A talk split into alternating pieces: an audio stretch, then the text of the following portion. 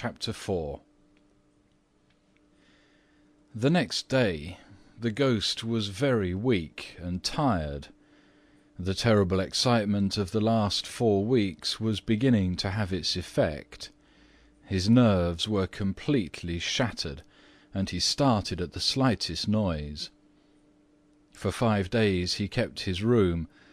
and at last made up his mind to give up the point of the bloodstain on the library floor. If the Otis family didn't want it, they clearly did not deserve it. They were evidently people on a low material plane of existence and quite incapable of appreciating the symbolic value of sensuous phenomena. The question of phantasmic apparitions and the development of astral bodies was of course quite a different matter and really not under his control. It was his solemn duty to appear in the corridor once a week and to gibber from the large oriel window on the first and third Wednesdays in every month, and he didn't see how he could honourably escape from his obligations.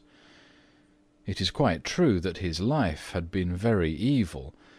but on the other hand he was most conscientious in all things connected with the supernatural. For the next three Saturdays, accordingly, he traversed the corridor as usual between midnight and three o'clock, taking every possible precaution against being either heard or seen. He removed his boots, trod as lightly as possible on the old worm-eaten boards, wore a large black velvet cloak, and was careful to use the Rising Sun Lubricator for oiling his chains. I am bound to acknowledge that it was with a good deal of difficulty that he brought himself to adopt this last mode of protection. However, one night, while the family were at dinner, he slipped into Mr. Otis's bedroom and carried off the bottle. He felt a little humiliated at first, but afterwards was sensible enough to see that there was a great deal to be said for the invention, and, to a certain degree, it served his purpose. Still, in spite of everything, he was not left unmolested.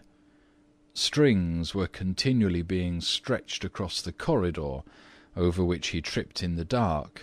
and on one occasion, while dressed for the part of Black Isaac or the huntsman of Hogley Woods, he met with a severe fall through treading on a butter slide which the twins had constructed from the entrance of the tapestry chamber to the top of the oak staircase. This last insult so enraged him that he resolved to make one final effort to assert his dignity and social position, and determined to visit the insolent young Etonians the next night in his celebrated character of Reckless Rupert or the Headless Earl. He had not appeared in this disguise for more than seventy years in fact not since he had so frightened pretty Lady Barbara Modish by means of it that she suddenly broke off her engagement with the present Lord Canterville's grandfather and ran away to Gretna Green with handsome Jack Castletown, declaring that nothing in the world would induce her to marry into a family that allowed such a horrible phantom to walk up and down the terrace at twilight. Poor Jack was afterwards shot in a duel by Lord Canterville on Wandsworth Common, and Lady Barbara died of a broken heart at Tunbridge Wells before the year was out, so in every way it had been a great success. It was, however, an extremely difficult make-up, if I may use such a theatrical expression in connection with one of the greatest mysteries of the supernatural, or to employ a more scientific term, the higher natural world and it took him fully three hours to make his preparations. At last everything was ready, and he was very pleased with his appearance. The big leather riding boots that went with the dress were just a little too large for him, and he could only find one of the two horse pistols, but on the whole he was quite satisfied, and at a quarter past one he glided out of the wainscoting and crept down the corridor. On reaching the room occupied by the twins, which I should mention was called the Blue Bedchamber on account of the colour of its hangings, he found the door just ajar. Wishing to make an effective entrance, he flung it wide open, when a heavy jug of water fell right down on him, wetting him to the skin, and just missing his left shoulder by a couple of inches. At the same moment he heard stifled shrieks of laughter proceeding from the four-poster bed. The shock to his nervous system was so great that he fled back to his room as hard as he could go, and the next day he was laid up with a severe cold. The only thing that at all consoled him in the whole affair was the fact that he had not brought his head with him, for had he done so the consequences might have been very serious.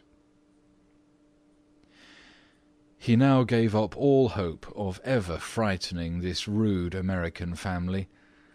and contented himself, as a rule, with creeping about the passages in list slippers,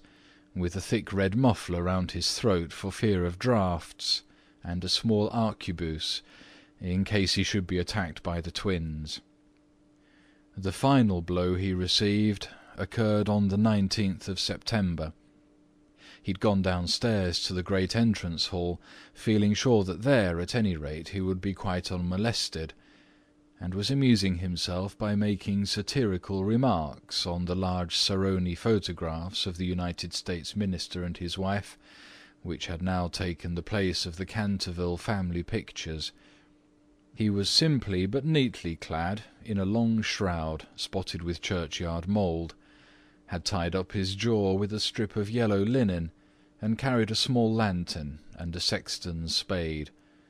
In fact, he was dressed for the character of Jonas the Graveless, or the Corpse Snatcher of Chertsey Barn,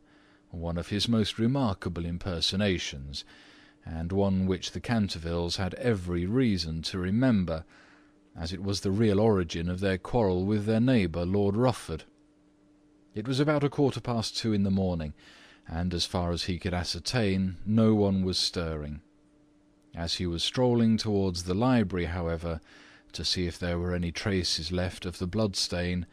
suddenly there leaped out on him from a dark corner two figures who waved their arms wildly above their heads and shrieked out "Boo!" in his ear. Seized with a panic which, under the circumstances, was only natural, he rushed for the staircase, but found Washington Otis waiting for him there with the big garden syringe, and being thus hemmed in by his enemies on every side, and driven almost to bay, he vanished into the great iron stove, which fortunately for him was not lit, and had to make his way home through the flues and chimneys, arriving at his own room in a terrible state of dirt, disorder, and despair. After this he was not seen again on any nocturnal expedition. The twins lay in wait for him on several occasions, and strewed the passages with nutshells every night, to the great annoyance of their parents and the servants, but it was of no avail. It was quite evident that his feelings were so wounded that he would not appear. Mr. Otis consequently resumed his great work on the history of the Democratic party, on which he had been engaged for some years. Mrs. Otis organised a wonderful clambake, which amazed the whole county. The boys took to lacrosse euchre, poker, and other American national games